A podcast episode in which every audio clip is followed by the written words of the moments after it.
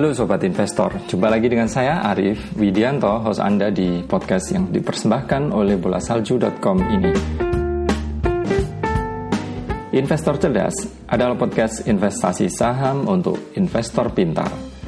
Kami fokus bagaimana meraih kesuksesan investasi yang aman, berkelanjutan, khususnya mengaplikasikan paradigma investasi nilai atau value investing. Untuk mendengar komentar kami tentang buku The Intelligent Investor, silakan ikuti 20 episode awal podcast ini. Di episode terbaru, kami akan bahas isu aktual, edukasi, resensi, serta bahasan investasi lainnya bersama saya dan mungkin narasumber lain.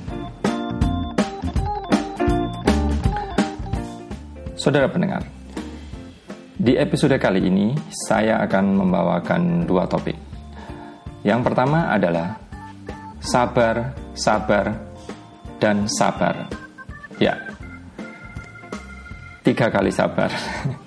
Kenapa begitu? Nanti Anda akan mengetahuinya sesaat lagi ya. Topik kedua, saya juga akan membahas tentang evaluasi setahun investor cerdas. Ya, saudara pendengar, kali ini kita di episode 052, artinya 52 minggu podcast ini telah mengudara di jagat raya internet.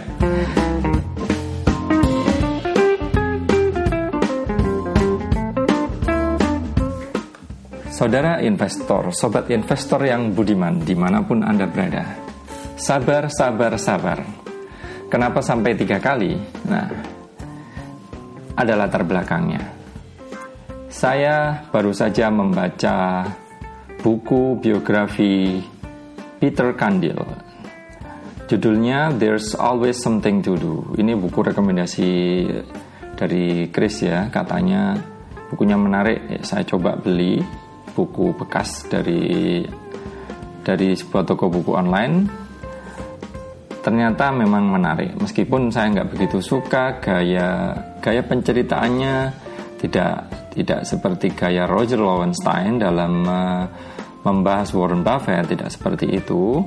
Namun buku karya Christopher Gill dan juga kombinasi apa berkolaborasi dengan Peter Kandel ini saya kira punya punya insight lain yang menarik. Salah satunya, oke, okay, saya nggak akan cerita bukunya lebih panjang lebar lagi.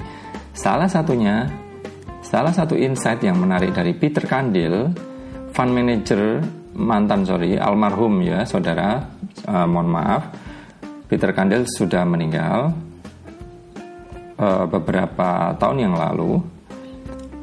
Uh, beliau adalah pernah memanage fund manager, fund management Mackenzie Kandil, sebuah fund management bergaya value dari Kanada.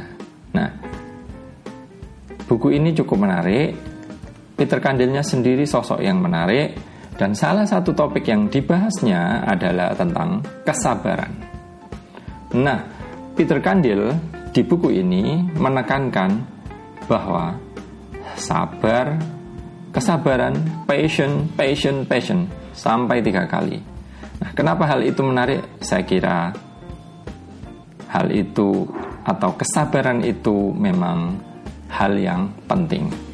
Nah, saudara pendengar, saya tidak membuat skrip untuk edisi kesabaran ini, namun saya membuat outline. Saya kira kalau buat skrip nanti fokus atau inti yang saya sampaikan mungkin tidak natural ya. Saya ingin mengungkapkan apa-apa yang bisa saya tangkap lebih alamiah, lebih ya mungkin lebih insightful kepada Anda semuanya.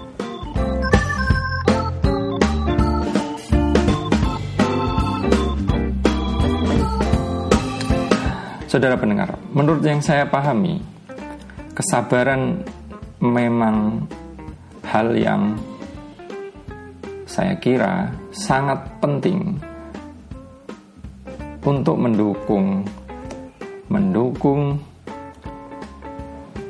uh, bukan mendukung aja ya untuk mendukung untuk bekal untuk untuk landasan kesuksesan seorang value investor. Kenapa itu saya paham Peter Kandil sampai menulis passion sebagai sabar, sabar, sabar. sampai tiga kali. Nah, kalau Anda me memahami atau saya atau Anda pernah mendengar podcast edisi-edisi sebelumnya, saya pernah bilang bahwa kegiatan investasi itu mulai dari tiga, tiga aspek ya.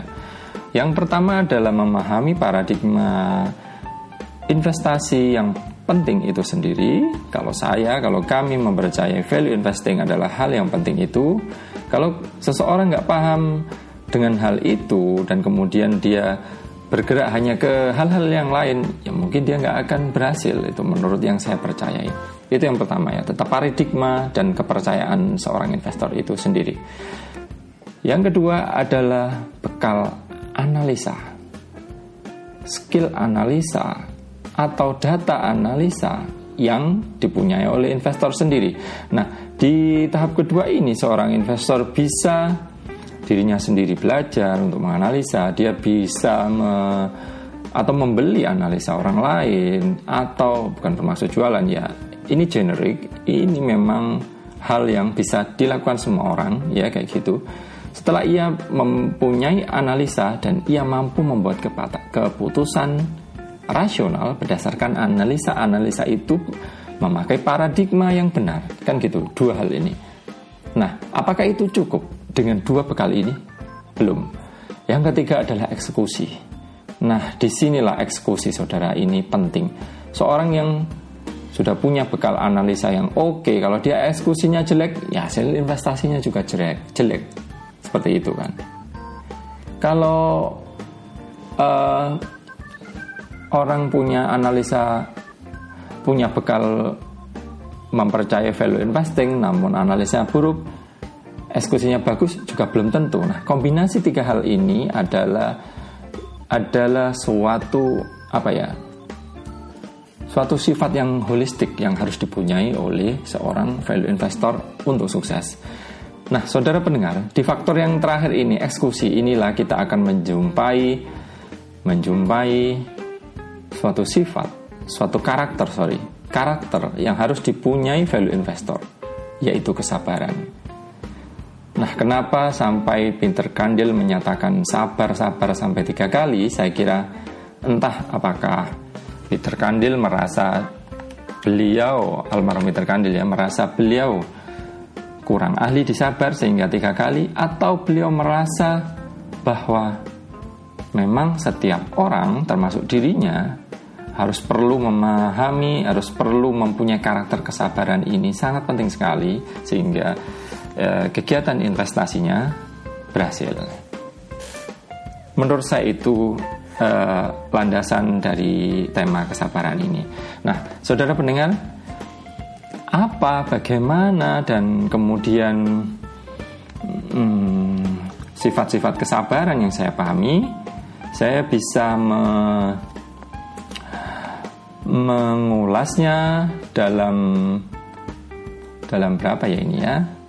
Dalam sekitar 11 poin. Entah nanti bertambah atau berkurang saya nggak tahu. Kita coba satu-satu ya yang pertama saudara pendengar sobat investor yang pertama seseorang yang ingin sukses berinvestasi khususnya menjadi value investor dia harus sabar dalam melakukan kegiatan investasinya saya kira itu.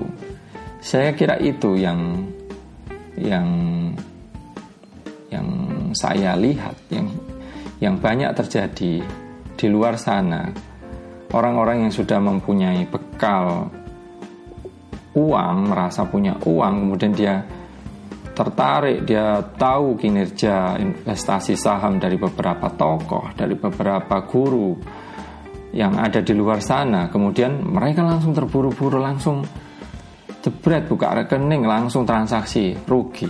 Setelah itu baru menjual. Saya kira uh, orang yang ingin merasa atau bisa sukses dari awal kesabaran yang pertama ini mungkin akan menjadi bekalnya yang terbaik dia akan sabar oke saya tahu ini oke saya tahu investasi saham ini memang menarik, potensial, tapi saya sabar, saya nggak akan melakukan kegiatan investasi saham itu dulu. Karena ini memang berat kenyataannya. Faktor greediness, faktor potensi, faktor manusiawi itulah yang mendorong orang sehingga terburu-buru sehingga mereka langsung langsung hantam untuk membuka rekening untuk bertransaksi dan baru kemudian belajar. Orang yang sudah mempunyai kontrol eh, tentang hal ini di awal, dia tentu akan mempunyai titik awal yang baik bagi kesabaran-kesabaran berikutnya.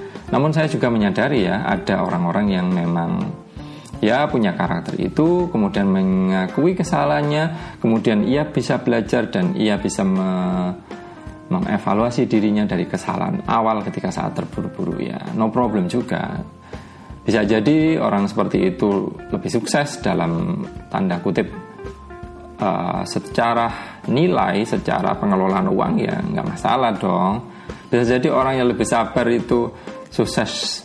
Yang lebih sabar hingga dari awal pun ia melakukan kegiatan ya mungkin secara finansial nggak terlalu besar kelolaannya tetapi bisa sukses dan yang lain tidak masalah juga. Ataupun itu tidak tidak terkait tentang hasil investasi juga nggak ada masalah. Namun eh, kesabaran yang pertama ini akan apa ya akan menancapkan fondasi psikologi yang bagus buat seorang investor saya kira itu itu yang pertama ya sabar melakukan kegiatan investasi oke yang kedua sabar yang bagaimana saudara sabar membeli. Ya. Saya kira ini juga faktor yang yang yang penting. Entah ya kalau orang nggak tahu alasan rasionalnya, kemudian ya buru-buru membeli karena faktor-faktor yang lain, yaitu berarti orang yang nggak sabaran kan. Sabar membeli setelah mengetahui faktor-faktor rasional yang atau alasan-alasan rasional dibalik membeli saham itu. Oke. Okay. Saya kira nggak perlu kita jelaskan panjang lebar tentang hal ini. Nanti pasti kita akan pasti ada hal-hal yang terkait yang nanti saya sampaikan di belakang yang kemudian kita kembali lagi ke kesabaran membeli. Atau dalam titik yang lain membeli ya saudara ya. Katakanlah seorang investor punya program, ia akan menghabiskan dana uh, ah, 100 juta misalnya untuk sebuah saham.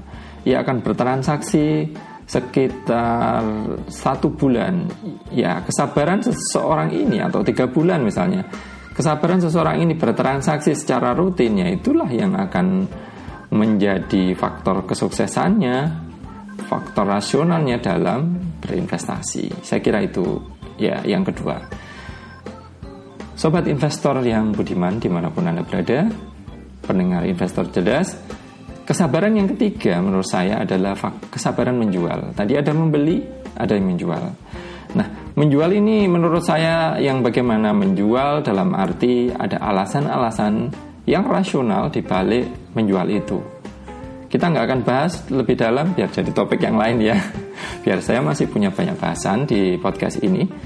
Menjual yang bagaimana? Entah menjual dalam arti ada alasan rasional, kemudian menjual dalam arti disiplin dalam volume penjualan, kemudian menjual uh, ya itu tadi ya saya kira dua ya. Seseorang yang nggak ada alasan kemudian menjual ya yang nggak baik juga. Dia tadi membeli sudah ada alasannya yang rasional, menjualnya irasional, ya salah juga bisa jadi keputusannya itu hanya emosional kan kayak gitu. Sementara itu di sisi lain yang yang lain ketika menjual dengan tidak disiplin ke dengan tidak disiplin dalam volume dalam waktu ya mungkin seorang investor menjual terlalu banyak seperti itu. Saya kira itu ya dua aja ya. Oke. Itu kesabaran menjual atau kesabaran yang ketiga. Sekarang bagaimana sifat kesabaran yang keempat? Kesabaran yang keempat ini terus terang sangat susah kesabaran menganalisa. Nah, ini ini sendiri tentu saya sendiri masih struggling, masih terus berjuang dalam sabar menganalisa ini karena nggak ada batasan, saudara pendengar. Saya bisa menganalisa sebuah saham dari dari titik awal saya tidak tahu perusahaan itu, saya baca tiap hari mungkin bisa selesai dua minggu, mungkin bisa selesai bulan itu yang ter, satu bulan yang tercepat, atau kadang enam bulan tidak selesai, tiga bulan baru selesai. Bagaimana? Apakah anda cukup sabar? Kenyataannya ini susah. Saya sendiri masih struggling. Saya beri. Jadi artinya bagaimana orang itu sehingga mempunyai titik final. Oke, saya tidak bisa memutuskan saham ini sebagai target investasi yang baik. Stop. Next. Atau kesabaran menganalisa hingga saya membuat keputusan investasi. Oke, ini menarik meskipun analisa saya sebelumnya menganggap ini tidak menarik. Dan itu perlu perlu waktu berapa lama? Bisa dua minggu, bisa satu bulan, bisa enam bulan. Terakhir saya pernah menganalisa sebuah emiten dari sekitar pertengahan tahun ini Juli ya saudara. Hingga 23 apa sorry. Hingga sorry tiga bulan sorry maaf. Hingga tiga bulan saya membuat keputusan emiten ini tidak layak.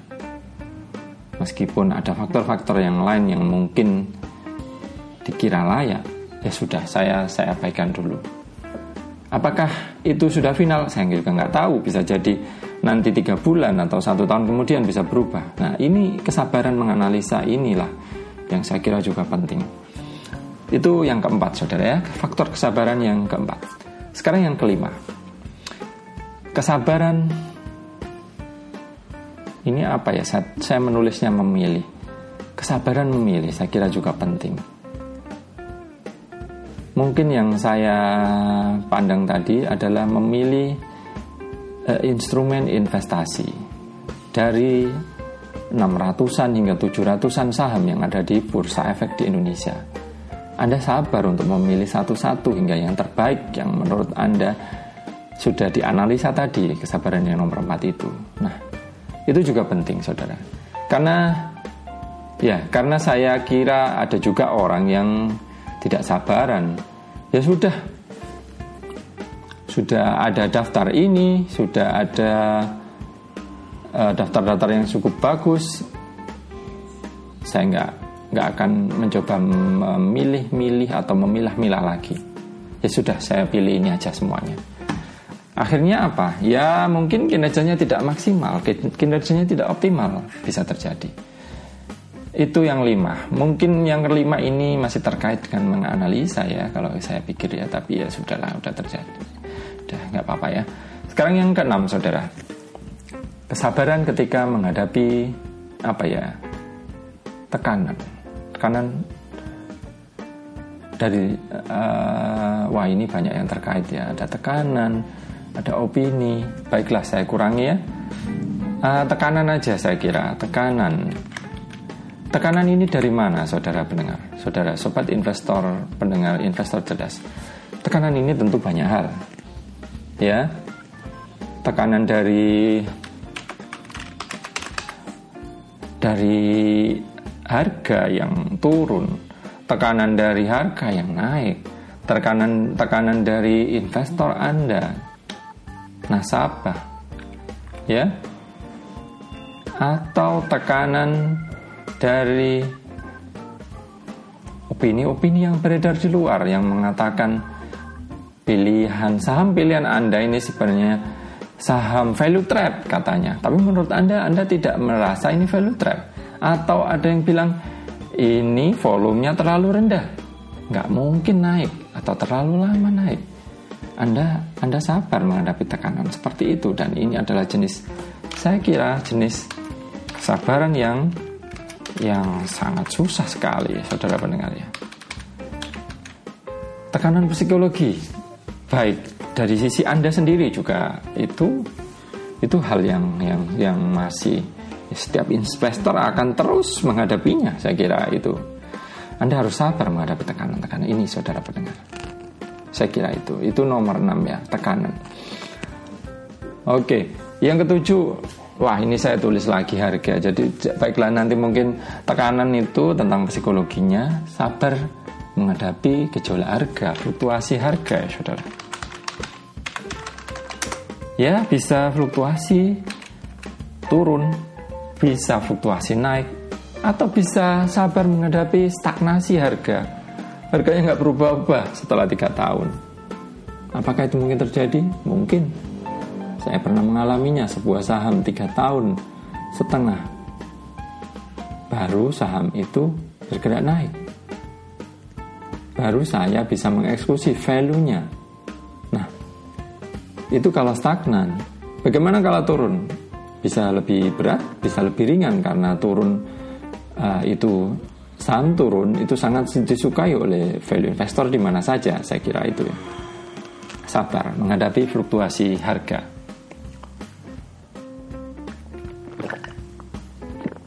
yang kedelapan uh, sabar ketika menghadapi kesalahan nah ini ini faktor yang juga sering apa ya diabaikan oleh oleh calon-calon value investor yang ingin menjadi investor sukses. Mereka masa, mereka merasa bahwa seorang investor itu tidak akan pernah salah. Warren Buffett saja bisa salah. Peter Kandel saja sering menyebut bagaimana salah. Pak Winston Sual saja sudah pernah menyebut kita juga menjaga keamanan bagaimana bila salah. Saya kira setiap investor saya sendiri juga masih sering melakukan kesalahan baik faktor internal atau eksternal. Saya kira setiap investor akan selalu me menghadapi hal ini. Nah, di sinilah, di sinilah pentingnya seorang investor mempunyai kesabaran yang tinggi ketika ia salah. Ya, jangan lalu putus asa. Kalau sudah putus asa, mungkin dia nggak akan tertarik lagi investasi. Dia dia harus sabar dan kemudian kita nanti next uh, ke hal berikutnya yaitu nomor 9 setelah tahu salah dia sabar untuk terus-menerus memperbaiki kekurangannya, memperbaiki dirinya, memperbaiki pengetahuannya, terus seperti itu. Dan kesabaran yang sepuluh adalah untuk terus belajar. Ada banyak hal yang terjadi saat saat saat Anda melakukan kegiatan investasi. Anda merasa sudah paham di sektor ini, kemudian Anda bergerak belajar menelaah, menganalisa, ternyata Anda nggak tahu hal-hal yang ini, A, B, C, banyak lagi. Anda belajar A, Anda nggak tahu lagi D, Anda akan harus terus belajar. Saya kira eh, cukup cukup itu ya, 10 faktor kesabaran yang yang sebenarnya kalau Anda bisa telaah ya banyak relasinya dengan topik-topik yang lain tentang kesalahan, tentang memperbaiki, tentang terus belajar. Nah, dari berbagai hal tadi, kesabaran ini Anda akan merasa bahwa kesabaran ini terkait erat dengan tiga hal awal yang mempengaruhi so, apa, kesuksesan seorang value investor dari paradigmanya, dari menganalisa hingga eksekusi.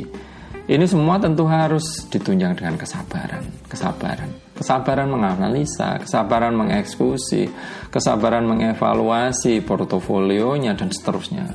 Uh, dari 10 hal tadi Anda mungkin akan bisa mengaitkan satu dua ke hal yang lain sehingga akan menemukan ya memang saya merasa kenapa Peter Kandil harus menyebut kesabaran ini hingga tiga kali dan saya kira setelah satu tahun investor uh, podcast investor cerdas ini berjalan ternyata ini juga penting sekali saya merasa itu. Itu itu untuk itulah saya perlu mengangkat topik kesabaran ini di episode kali ini. Oke saudara pendengar itu tadi tentang kesabaran ya yang eh, segmen kedua saya akan mengevaluasi setahun investor cerdas. Ya tak terasa sudah setahun berjalan eh, bagaimana yang terjadi tentang dunia di luar dunia masih takut akan resesi. Namun kata orang bijak, resesi pasti akan ada ke depan.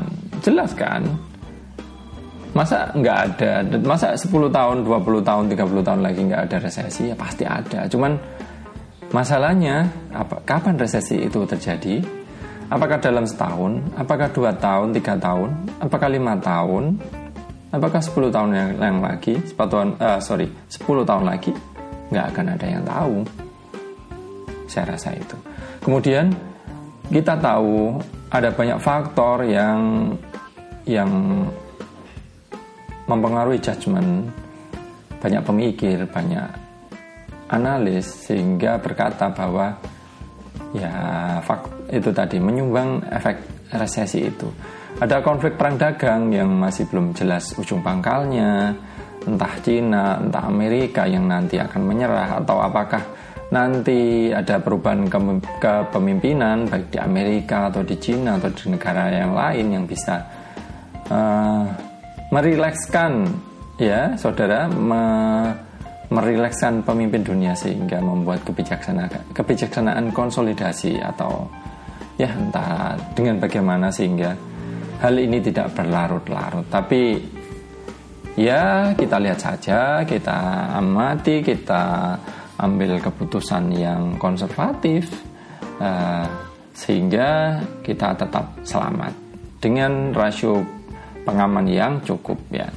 Sementara itu politik global, ekonomi global saya kira masih tetap terus dinamis ya setahun ini kita melihatnya.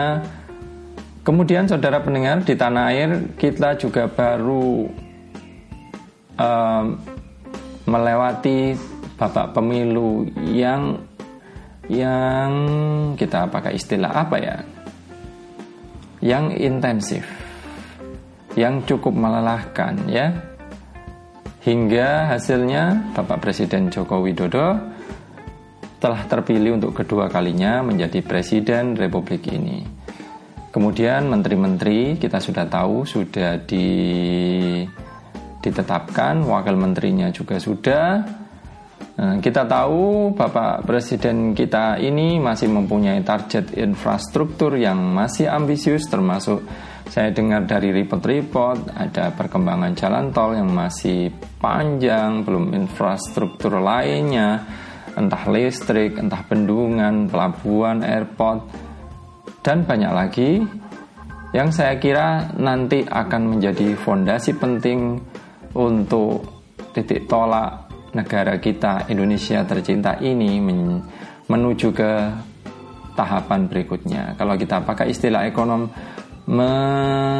landasan untuk memicu pertumbuhan menghindari middle income trap ya. Saudara pendengar, kita harap semangat konsolidasi akan terjaga baik di sisi pemimpin dan juga uh, para pebisnis pada umumnya, para pemangku kepentingan, manajer investasi, dan juga kita semua investor di Indonesia sehingga kita bisa memanfaatkan atau berpartisipasi dalam kemajuan bangsa Indonesia di masa yang akan datang. Saudara pendengar, apa yang terjadi di dunia investasi selama setahun ini?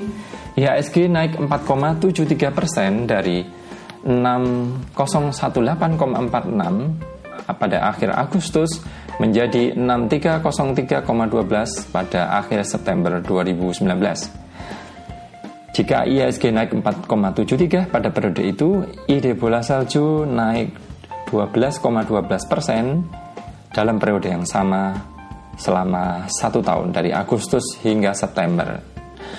Kemudian portofolio keluarga ini adalah portofolio yang dulu namanya bola salju, kemudian karena memang dananya ya dana keluarga saya sendiri, saya ubah namanya jadi portofolio keluarga. Uh, ada perubahan yang signifikan di, al di awal tahun. Uh, kami memantau kinerja hingga September menghasilkan perolehan 3,12 persen pada tahun ini atau akumulasi total 530,31 persen. Saudara pendengar, di awal Juli ini kami juga memulai portofolio kemitraan yaitu dana mitra yang yang saya kelola hingga beroperasi sejak Juli ya sudah tiga bulan berjalan kinerja kami pantau juga pembaca umum bisa mengikutinya kinerja ini mengikuti kinerjanya saja ya maksudnya ya Kinerja per September minus 6,78 persen. Ya. E, kemudian jika anda ketinggalan masih ada promosi ya untuk sehubungan dengan ide yang jika ide belum tercapai 30 persen harga langganan keanggotaan premium belum naik. Silakan langganan untuk mengikuti ide dan membaca analisa serta artikel terproteksi di bolasalju.com. Saudara pendengar, kita mendekati akhir episode ini. Bagaimana ke depan? Sudah setahun ini podcast Investor Cerdas. Yang jelas, yang pertama dan utama, saudara pendengar, sobat investor, saya mengucapkan terima kasih. Terima kasih, beribu-ribu terima kasih kepada ribuan pendengar, 5000 sekitar 5000 ya di Spotify 5000 lebih uh, juga di Apple dan Google Podcast telah mendengarkan podcast Investor Cerdas selama setahun ini. Terima kasih. Tanpa Anda semua kami tidak tidak akan seperti ini. Yang kedua, terima kasih kepada narasumber podcast yang sudah bersedia kami undang berbicara di podcast ini. Pak Budi Hikmat dari Bahana TJW Investment, Chris Angkasa dari Indonesia Value Investor Forum dan juga Pak Winston Esaswal dari Panin Asset Management. Terima kasih telah berbagi insight investasi yang menarik di podcast ini. Saya berharap tapi juga tidak muluk-muluk ya, semoga makin banyak narasumber yang bisa kami undang yang bisa bicara tentang investasi saham dan khususnya tentang value investing di podcast ini. Kemudian, saudara pendengar, eh, kita tadi sudah berdiskusi tentang kesabaran. Di ini, di sini saya juga ingin mengumumkan, saya berharap Anda juga sabar. Saya akan break sejenak ya. Setelah setahun mengudara, saya akan break. Nah, breaknya bagaimana? Saya juga nggak tahu. Saya nggak akan nggak tahu akan berapa lama breaknya. Apakah frekuensi penerbitan apa siaran yang dikurangi atau break berapa lama, saya nggak tahu. Yang jelas saya tetap akan membuat siaran di waktu mendatang. Saya masih punya banyak pekerjaan rumah yang harus saya selesaikan dan semoga break ini nanti bisa bisa menunjang uh, memberi waktu saya untuk menyelesaikan pekerjaan-pekerjaan rumah itu. Pendengar, Terima kasih sudah mendengarkan, sudah berlangganan, sudah mengomentari, sudah memberi apresiasi, mengirim feedback melalui apa saja, melalui kanal media sosial, melalui email atau melalui bicara langsung kepada saya. Terima kasih. Karena Anda semua podcast Investor Cerdas bisa hadir, bisa terus mengudara di internet ini. Jangan lupa subscribe baik via Apple Podcast, Spotify, atau Google Podcast, atau subscribe update mingguan kabar bola salju, atau ikuti media sosial bola salju.com, sorry, at bola salju.com. Terima kasih, sampai jumpa di episode berikutnya.